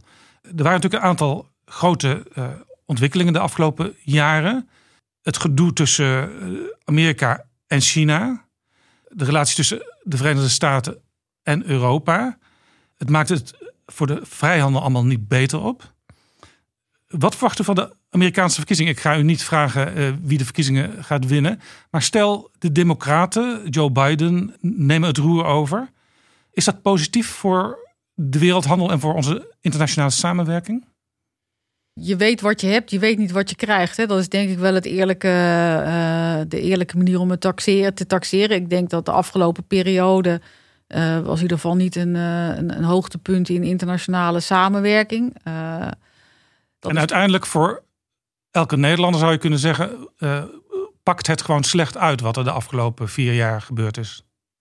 Ja, kijk, Nederlandse, Nederlanders die floreren, of de Nederlandse economie floreert natuurlijk als er als vrijhandel is toegestaan en, en dat mensen en dat daar weinig spanning en druk op staat. En daarvoor is zowel de ontwikkelingen met in de relatie met de Verenigde Staten, maar ook Brexit. Hè, dat, zijn natuurlijk allemaal ontwikkelingen die niet positief, die vanuit Nederlands de Ja. handelsgeest. achter- Liever het Verenigd Koninkrijk in een samenwerkend en verenigd Europa dan erbuiten. Ja, als je economisch kijkt wel. Ik, ik denk overigens, ja, weet je, de keuze van het VK is de van het Verenigd Koninkrijk is natuurlijk het keuze van die burgers en die hebben daar ook recht op. En dat, hè, dus het, het is allemaal democratie. En, en de, maar als u zegt economisch gezien, wat natuurlijk een beetje een smalle blik op de werkelijkheid is, maar wel eh, de blik die ik nu helemaal eh, ken, ja, is dat, is dat niet gunstig voor Nederland. En of nou de verkiezingen nou toe leiden dat het anders wordt of niet. Hè. Dus kijk, voor een deel zijn. Je hoopt natuurlijk altijd dat presidenten de wereld totaal kunnen veranderen. Maar de werkelijkheid is natuurlijk dat je stuurt op iets wat beweegt. Hè. Je kunt bijsturen. Eh, dus om nu te denken, nou, als de verkiezingen, eh, als de verkiezingen nou een presidentswissel oplevert, dan wordt het wereld totaal anders. Eh, dat is niet zo, maar ze kunnen wel kleur geven. Ja. Eh, en dan nou, is de verwachting, denk ik, dat het onder Biden misschien net iets eh, anders zou kleuren dan niet. Maar ik weet, ik ben een, een notoor slechte voorspeller van dit soort Ja, dingen. Want ik, ik- dacht bij Brexit dat het goed af zou, lo- of althans dat het met een nee zou eindigen. En dat werd het wel. Ik had ook niet verwacht dat Trump zou winnen de vorige keer. Dus ik ben de slechtste voorspeller hiervoor. We weten het misschien eh, vannacht of iets later als de uitslag duidelijk wordt. Overigens lees ik in veel analyses, oké, die democraten en Joe Biden, die staan natuurlijk wel qua mindset dichter bij Europa. Maar uiteindelijk geldt ook voor hen America first. Ja, dat is eigenlijk een beetje wat ik zei. Je kunt, eh, je kunt maar beperkt bewegen van het, het algemene gevoelen. En ik denk als je kijkt naar corona en, en globalisering, zie je natuurlijk wel dat mensen. Er was al een zekere terugtrekkende beweging in globalisering. En de vraag is nu of de reactie wordt. Oké, we moeten meer diversificeren, wat zeg maar de economenbenadering zou zijn. Of dat mensen zeggen, nou ja, gewoon toch meer eigen volk eerst. Dus ik, eh, ik wil toch meer op eigen. Ik wil sommige dingen toch maar liever binnen eigen grenzen of binnen, de Euro, eh, binnen Europa kunnen regelen. Als we nog even naar de Brexit kijken, 4% van alle Nederlandse beleggingen en 5%, ruim 5% van de beleggingen van de pensioenfondsen, eh, die zitten in het Verenigd Koninkrijk. Vreest u daar forse verliezen door Brexit? We krijgen natuurlijk gewoon een. eh, we moeten gaan zien wat er uitkomt. Hè? Of, er, of de Unie tot met, eh, met het, eh, het Verenigd Koninkrijk tot een deal komt of niet. Als er geen deal komt, ja, dan gaat dat, wel, gaat dat toch, denk ik. Hoewel dat voor een deel nu ingeprijsd is. Hè? Dat mensen wel verwachten dat het niet meer een, een, een groot. Ja, de grote angst, en die is ook wel gegrond, is dat er een hard Brexit komt. Ja, maar ik denk dat, kijk, dat is natuurlijk typisch hoe kapitaalmarkten werken, is dat ze verwachtingen inprijzen. Dus zolang, dat, eh, zolang de markt eigenlijk nu taxeert, eh, dat, dat, eh, nou ja, dat het waarschijnlijk toch gaat zoals het, zoals het nu de hele tijd naar uitziet. Hè, dat de deadline steeds gemist wordt en op een gegeven moment is er een harde deadline. Nou ja, dan zou je verwachten dat, die, dat- we die klap voor een deel hebben in, al verwerkt is. Nou, is natuurlijk altijd nog een deel waarbij zal blijken, wat dan toch verrassend is. Op het moment dat eh, iedereen in de rij staat in het, eh, met zijn tomaten, dan, eh, nou ja, dan, dan krijg je nog weer nieuwe momenten. Dus dat zal nog wel iets van extra effect hebben. Maar de vraag is ook, is dat blijvend of is dat tijdelijk? Blijvend is het effect van dat ze het VK, het Verenigd Koninkrijk zich buiten de Unie heeft geplaatst. En daar is men langzaam, daar zijn we nu langzaam aan gewend geraakt en hebben ook langzaam ingeprijsd. Er moet dan een nieuwe verhouding ontstaan. Ja, en, en, maar dat, ga, dat, is niet, dat is niet per se gunstig. Hè? Dus dat is, want economisch gezien is dat niet een gunstige beweging. Maar daar zijn we wel, nou ja, dat is gewoon opportunity loss. Hè? En er kan ook nog gewoon een event zijn die maken dat het, eh, zeg maar, rond die klik, eh, dat dat ingewikkeld wordt. Daar, hè, wij, houden ons wel rekening, ik hou wel rekening mee dat we daar ons wel op moeten oriënteren dat er toch even een hiccup zal zijn. Maar dat is denk ik dan een tijdelijke, eh, een tijdelijke hiccup. En ook daarvoor is, ik- toen ik bij het CPB was, zat, was het ook altijd nog een sport om na te denken. Mensen gaan dan ook weer hamsteren van tevoren. En dan, dus ja, hoe dat dan in de, precies in die cijfers gaat eh, uiten, moeten we dan ook zien. Maar het is natuurlijk een vrij ingewikkelde combinatie dat je in het de komende paar maanden heb je en corona onzeker en eh, de verkiezingen van de Verenigde, in de Verenigde Staten onzeker. Want ja, we hopen natuurlijk allemaal dat er geval een heldere uitkomst is. Maar als dat niet zo is, ja, wat gebeurt er dan? En we weten ook nog niet precies hoe dat nu gaat met Brexit. Dus dat is wel een beetje drie, eh, drie voor de prijs van één. Terwijl eigenlijk nul het gewa- gewaardeerde cijfer is. Hè? Dus ja. Het vooruitzicht van Brexit heeft ertoe geleid dat acht handelsplatformen uit het Verenigd Koninkrijk naar Nederland zijn gekomen. Betekent dit eigenlijk dat Nederland een, een deel van de in Londen gevestigde Europese kapitaalmarkt overneemt? Nou, dat hangt een beetje af van wat eh, de afspraken zijn die worden gemaakt. Maar als het, uh, uh, dus als het mogelijk blijft voor partijen om in het Verenigd Koninkrijk te blijven handelen, zullen partijen dat doen. Maar op het moment dat dat niet mogelijk is, hè, en, en, dat hangt een beetje af van wat de onderhandelingen met uh, ja, tussen de Verenigde Staten, tussen het VK en Europese Unie, Europese zullen, zullen laten zien. Uh, als dat niet mogelijk is, ja, dan moet die handel zich, ja, zich ergens in Europa gaan uh, bevinden. En dan is de verwachting gegeven dat die partijen vooral in Nederland uh, vergunning hebben aangevraagd, dat de handel zich naar Nederland voor, zal verplaatsen. En dat kan dus een geluk bij een ongeluk zijn, zou je kunnen zeggen, voor ons Nederlanders. Ja, in de zin van dat, nou ja, dat als die bedrijvigheid dan toch ergens naar in Europa moet landen, dan is het leuk dat dit deel in ieder geval in Nederland landt.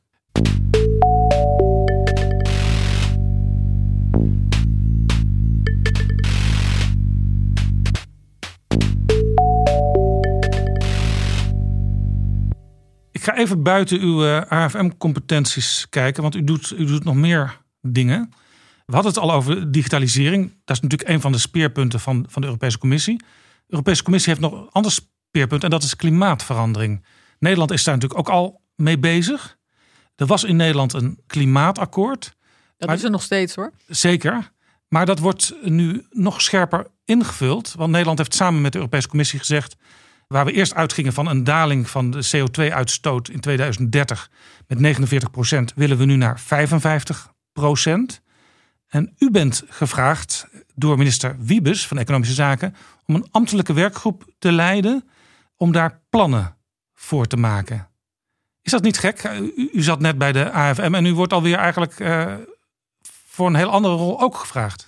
Ja, dat is juist helemaal niet zo gek. Want het is eigenlijk voor, ik vind het zelf heel grappig. Want in het uh, verleden was mijn baan eigenlijk het starten van dit soort type groepen.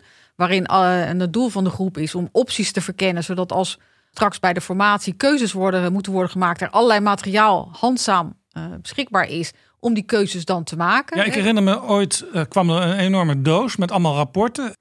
En daar hadden ambtenaren onder uw leiding allemaal uh, scenario's in opgeschreven hoe je kunt bezuinigen. Er stonden de meest vreselijke dingen in. Dus veel politieke dat, partijen waren ook heel boos toen. Nou, dat weet ik niet. Nee, volgens mij was dat niet zo. Want ze hebben daar. Uh, maar in de tijd. Uiteindelijk hebben ze natuurlijk ook fors gebruik van gemaakt. Nee, bij, de vorige, bij de vorige crisis is er een, uh, een, een, een serie geweest. Brede heroverweging heette dat.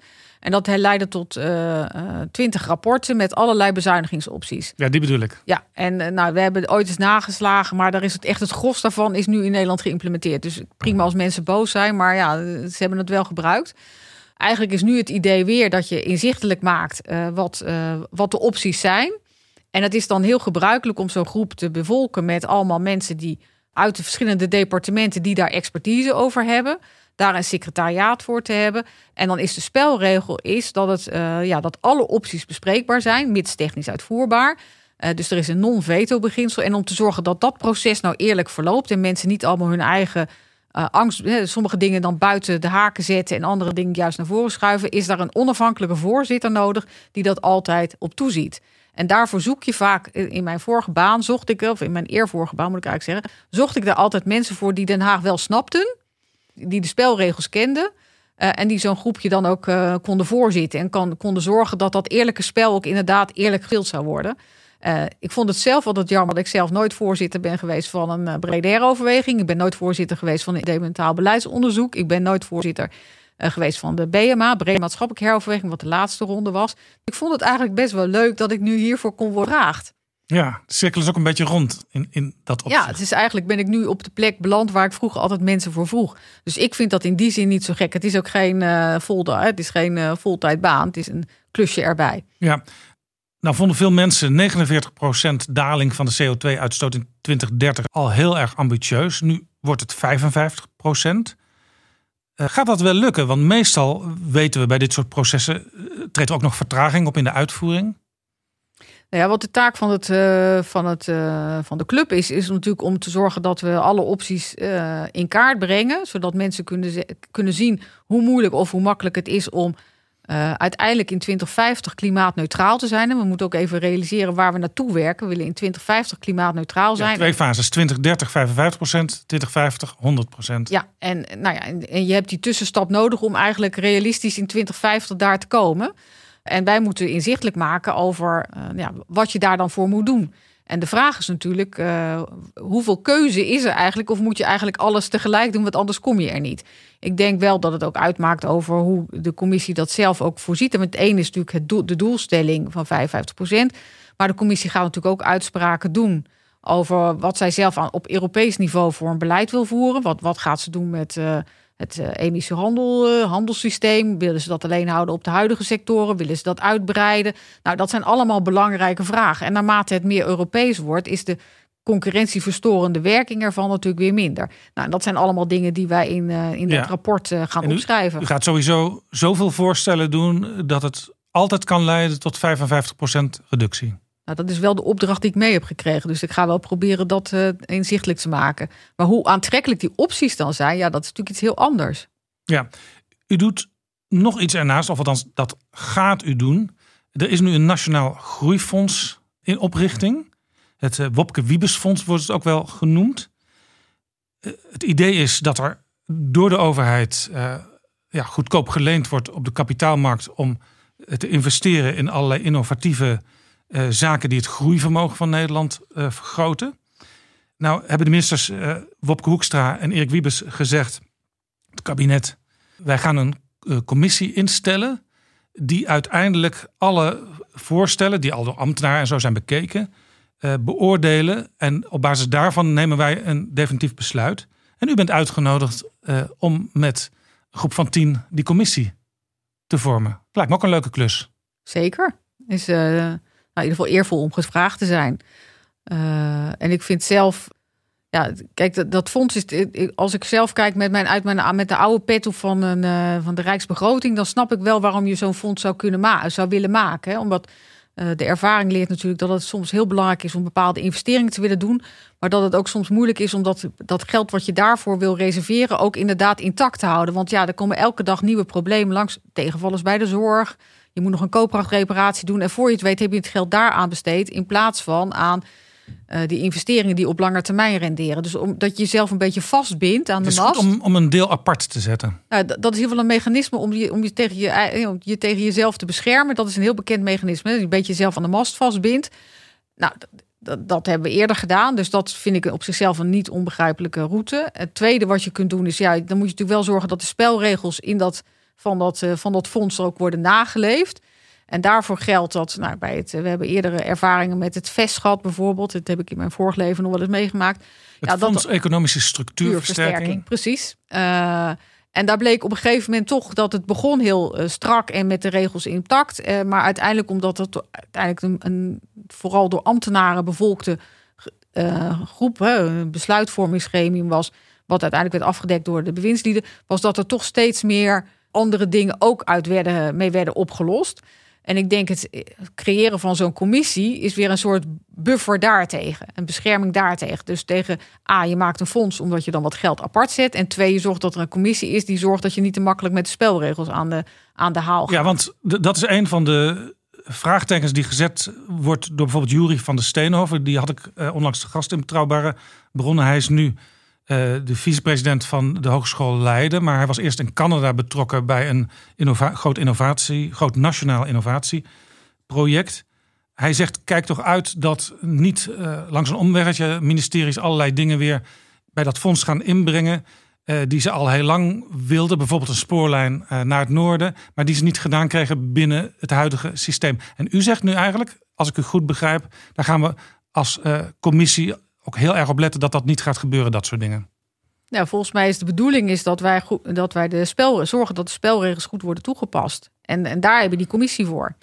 Uh, en ik denk, en het tweede is natuurlijk, want je kunt natuurlijk zeggen, nou ja, de commissie, dus er komen voorstellen binnen, dan moet de commissie moet dat uh, nader beoordelen. Dan kan de commissie die voorstellen doorsturen om te zeggen, nou, doe dat vooral. En als de bewindslieden dan zeggen, nou doe het niet, nou dat staat ze dan natuurlijk nog vrij. Wat heel ongemakkelijk zou zijn is, uh, wij krijgen voorstellen, wij zeggen doe het niet en zij doen het wel. En ik denk dat, nou ja, dat uh, zeg maar de, de leden van de commissie natuurlijk niet voor niets zijn uitgezocht om te zorgen dat, dat, uh, dat die stap niet zo makkelijk genomen wordt. Ja. en die zou ik zelf denk ik ook niet meemaken dan. Dat dit fonds er komt, is dat eigenlijk een bewijs dat in Nederland de markten niet goed werken? En ik stel die vraag omdat eh, Bas Jacobs, econoom in Rotterdam, heeft gezegd: het is in beginsel onwenselijk om private investeringen met publiek geld te bekostigen. tenzij er sprake is van marktfalen. Ja, nou, het leven zit vol met marktfalen. Dus dat uh, op zichzelf is dat niet. Uh, dus, dus dat hoef je niet uh, te weerhouden van het aanleggen of van het doen van dit type investeringen. Ja, ja, misschien moet ik dan de vraag iets algemener stellen. Waarom is het goed dat dit Nationaal Groeifonds er komt? Nou, dan kom, haak ik een beetje terug op mijn, op, mijn oude, op mijn oude zin. Is dat denk ik mensen wel zeggen: het is belangrijk dat we soms dat we sommige investeringen doen. Maar dat we, uh, dat we dat voor de lange termijn weten. Het is belangrijk voor de lange termijn. Maar op de korte termijn hebben we urgente, al dan niet belangrijke andere zaken. En dan gaat het geld daaraan op in plaats van aan uh, die zaken voor de lange termijn. Niet alleen consumenten zijn uh, kortzichtig of myopisch, maar ja, dat, ook politici hebben dat wel eens. Of ambtenaren, afhankelijk van wie, aan wie je dan de schuld wil geven. Ja, het groeivermogen van Nederland moet versterkt worden. Schrijven de ministers aan de Kamer in hun plan voor dat groeifonds. In uw vorige functie bij het CPB werd eind 2019 een middellange termijnverkenning uitgebracht. En daar stond eigenlijk ja, toch een beetje het bange scenario in dat Nederland vanaf 2022 alles wat we extra gaan verdienen, eh, dat, dat zal opgaan aan de kosten van de vergrijzing en de zorg. Is dit ook meteen een reden om extra te trekken aan dat groeivermogen? Nou, ik, ik denk dat het altijd goed is om te investeren in je groeivermogen. Dat kan met, uh, dat kan met dit uh, fonds. Dat kan overigens ook door gewoon goed geld uit te geven aan, aan onderwijs. Dat is natuurlijk een, en, maar dat zijn structurele uitgaven, zeg ik wel eerlijk bij. Dat is natuurlijk niet. investeringen zijn in beginsel in de tijd beperkt. En daarmee dus niet structureel. Eenmalig. Precies. dus dat is ook altijd waarom ik moeite heb als mensen zeggen dat. allerlei dingen investeringen zijn waarvan ik denk, ja, dit is gewoon een eeuwige geldstroom. Dus hoezo investering? Eh, maar dat betekent niet dat sommige, eh, sommige bestedingen niet nuttig zouden zijn. Nou, meer geld besteden aan onderwijs eh, is denk ik een van de best renderende uitgaven die je kunt, kunt doen. En ik denk dat je in de, ja, bij elke begrotingsbespreking weer moet proberen zorg te dragen dat dat niet in de, de knel komt. En ja, of dan de. Het is natuurlijk uiteindelijk een hele politieke weging, zeg maar, hoeveel geld je uit wil geven aan zorg en hoeveel geld je uit wil geven aan onderwijs. Maar het is helder dat de zorguitgaven zijn echt de sterkst groeiende post. En we worden allemaal ouder met elkaar en daarmee gaan we nog weer meer zorg consumeren. Nog, nog één kritiekpuntje wat ik wel hoor op het fonds. Uh, als je daar geld uit wilt krijgen, als je daar aanmerking, in aanmerking voor wilt komen, dan moet je een investering doen van uh, tenminste 30 uh, miljoen euro. En de kritiek is, het zijn dan weer vooral de grote bedrijven, de grote organisaties die hiervan gaan profiteren. Ja, kijk, ik denk, de, volgens mij is het niet zo dat het groeifonds het enige vehikel is waarlangs de productiviteit van Nederland kan worden verhoogd. Ik denk wel dat het idee is dat je hier echt klappers mee wil financieren. En klappers, ja, het aantal klappers voor minder dan een miljoen of zo, dat is natuurlijk niet zo heel erg groot. Dus je kunt zeggen, ja, daar zijn sommige mensen dan van uitgesloten, maar daar is ook het fonds niet voor, uh, voor bedoeld.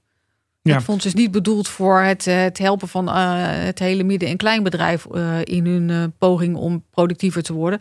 Het, het fonds is bedoeld voor grote klappers. En grote klappers, ja, dan gaat het over iets meer geld. Kijk, als we die 4 miljard per jaar ook per, miljoen moeten gaan uitkeren, dan, dan gaat het ook niet lukken met een commissie van 10, zeg ik maar even praktisch. Jury van der Steenhoven zei toen ik hem sprak in Betrouwbare Bronnen ook nog: het zou goed zijn als rond dat Nationaal Groeifonds ook ogen van buiten meekijken. En dan bedoelde hij vooral ook internationale ogen. Er is bijvoorbeeld in Brussel de Lisbon Council. En dat zijn mensen die ook heel veel verstand hebben van innovatie en investeren. Zou het goed zijn om bijvoorbeeld ook eens met die Lisbon Council te gaan praten eh, rondom uw eigen taak als lid van die commissie? Eh, de commissie of de, eigenlijk het hele fonds is nu nog onderwerp van gesprek. Uh, dus ik vind zelf, uh, ik, het is altijd interessant om te horen wat mensen aan tips hebben en waar we over na moeten denken. En dat, dat lijkt me ook allemaal goed om mee te nemen in de beraadslaging. Maar voor nu zou ik zeggen, de ministers moeten dit nog bespreken met de Kamer. Het is nog niet door beide, niet door beide kamers heen. Het parlement heeft nog niet ja gezegd. En uh, het lijkt me goed om dat eerst voor elkaar te hebben en dan gaan nadenken over hoe we dat als commissie nou precies gaan doen. Nou is de achterliggende gedachte achter dit fonds, uh, de overheid kan nu ja, bijna gratis geld lenen op de markt. Dus dat geld is er gewoon, dus dat kun je investeren. toch vond ik het een beetje gek toen ik hoorde dat u in die commissie plaatsneemt. Want als directeur van het CPB zei u nog, een jaar geleden ongeveer, gratis geld bestaat niet. Ja, dat zeg ik nog steeds. Er is helemaal niks veranderd aan mijn standpunt. Maar wat ik wel zeg, dus uh, mijn uh, achterliggende gedachte wel. Als je zegt binnen de begroting wil ik een, zeker bedrag garanderen voor belangrijke investeringen voor de toekomst, vind ik dat belangrijk. Daar heb je een commissie voor nodig om te zorgen dat je toch niet aan de verleiding van het overtreden van de regels te prooi valt. Vind ik ook belangrijk. En in die commissie denk ik als mensen dan zeggen: Goh, Laura, wil je dat doen? Iemand die haar hele leven heeft gezegd: het moet doelmatig. Je mag geld niet verspillen. Prima om geld uit te geven, maar wel aan de goede dingen. Ja, dan is het wel heel raar dat als iemand dan zegt: Goh, zou jij daaraan willen toetreden? Dat je dan zegt: Dat doe ik niet. Maar dat is niet hetzelfde als dat ik zeg: gratis geld bestaat. Want dat is echt niet waar. Blijft niet waar. U blijft dus trouw aan uzelf. Ja, ik ben heel saai. We gaan naar het einde van dit gesprek. Ik hoor dat u zich voorneemt per jaar 42 boeken te lezen. En nou hoorde ik ook welke boeken dat zijn. En dat zijn toch vaak weer van die ja, nerdy werkjes. U bent al de hele dag bezig met, met, met cijfers. En dan leest u ook nog bijvoorbeeld uh, John Tusa, On Board, The Insider's Guide to Surviving Life in the Boardroom. Ander boek is Mark Blyth en Eric Lonergan, Angrynomics. Uh, een ander boek is Ed Catmull, Creativity Incorporated. En die Ed Catmull, dat is de president van Walt Disney en Pixar Animation Studios. Het gaat ze allemaal ook wel over economie en hoe laat je die economie verder creatief groeien. Nou, dat, uh, volgens mij is dat. Nou, ziet mijn leven er net iets te saai uit. Zo saai ben ik nou ook weer niet. Maar wat ik mij heb voorgenomen toen ik dit jaar inging, ik ben iemand van voornemens, hè, want ik geloof uh, meten is weten, dat werkt bij mij toch wel. Een soort dus, zelfdiscipline ook? Precies, helemaal. Ik ben, uh, wat ik aan de rest van de wereld opleg, doe ik ook aan mijzelf. Dus ik ben uh, in ieder geval consistent in en extern. dus toen ik deze nieuwe baan kreeg, dacht ik, nou, het lijkt me goed om toch te proberen net zoveel boeken te lezen dit jaar als vorig jaar. Vorig jaar waren het er 42. Ik ben er overigens al voorbij met die 42, dus dat is heel fijn. Komt het door corona? Ja, want ik kan eigenlijk niet meer naar popconcerten. Dus ja, dat is het leven wordt Welke saai. popconcerten ging je naartoe? Ja, ik ging naar in, in, in Rotown. Dus dat zijn kleine. Rotterdam. Ja, in Rotterdam. Ja, ik, ik woon in Rotterdam.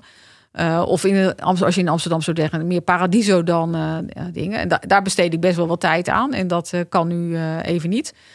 dus je hebt meer tijd om boeken te lezen als ik dan boeken lees, zit daar een mix in van fictie en uh, non-fictie. En ik heb die fictieboeken niet, uh, met, uh, niet gedeeld, maar de, dus die, zijn er ook nog. Maar deze non-fictieboeken, ja, die zijn eigenlijk allemaal wel een beetje te kleuren, ook door de baan die ik nu heb. want dat Onboard, dat is een boek wat gaat over. Dat is een heel grappig boek hè, over een, iemand die toezichthouder wordt. Dus een, gaat het eigenlijk een beetje over uzelf ook?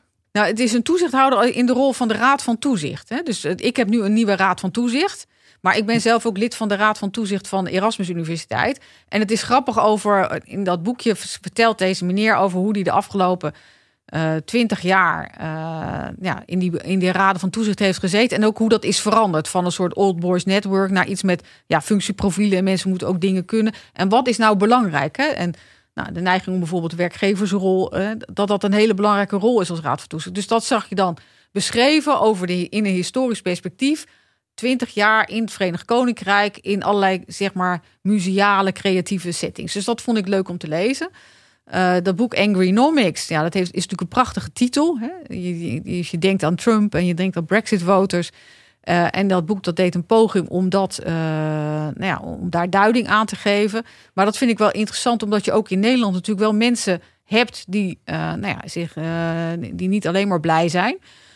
en ja, om toch een beetje gevoel te krijgen over van waar, ja, waar komt dat nou door? Hè? Omdat dat, ja, ik ben gewoon een beleids, ben ja. beleidsmaker of beleidsuitvoerder. Ja, eigenlijk schijnen dit soort boeken ook een zijlicht op waar u dagelijks mee bezig bent. Ja.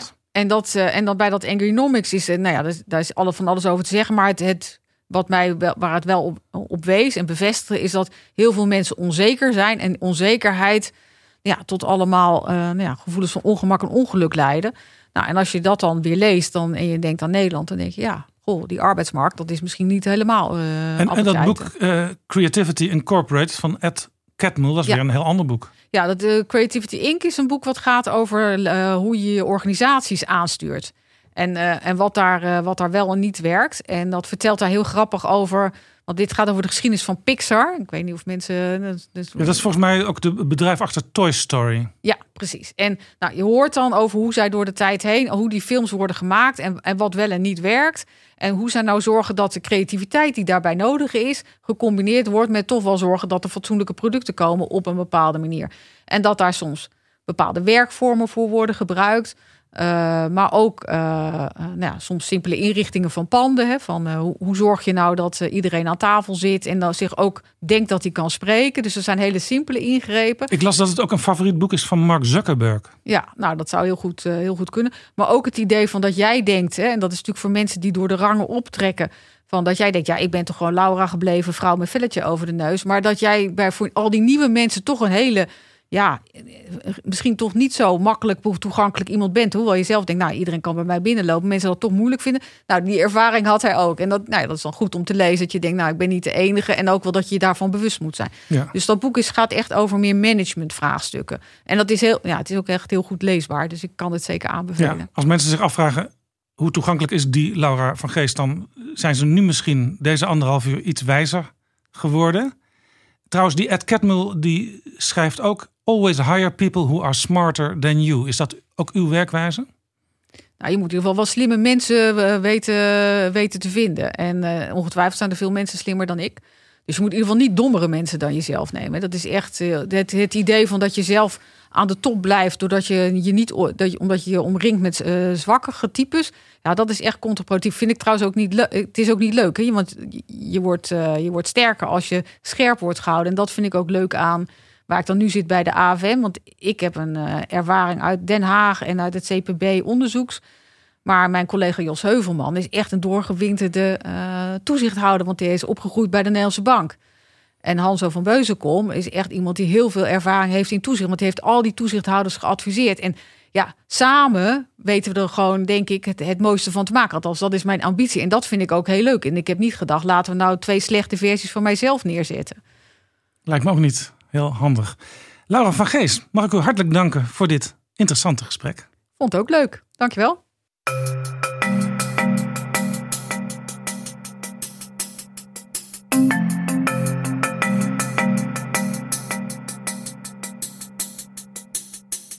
Zo, dit was Betrouwbare Bronnen, aflevering 144. Deze aflevering is mede mogelijk gemaakt door We Nederland.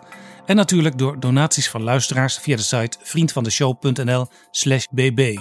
Heb je een interessant product? Dan is het mogelijk daarvoor in deze podcast te adverteren. Het sponsoren van meerdere afleveringen kan ook. Schrijf daarvoor een mailtje aan Flip Kilian Adams en hij neemt met u contact op. Zijn adres is flip apenstaart dagennacht.nl. Flip dagennacht.nl. Tot de volgende keer. Betrouwbare bronnen wordt gemaakt door Jaap Jansen in samenwerking met dag en nacht.nl.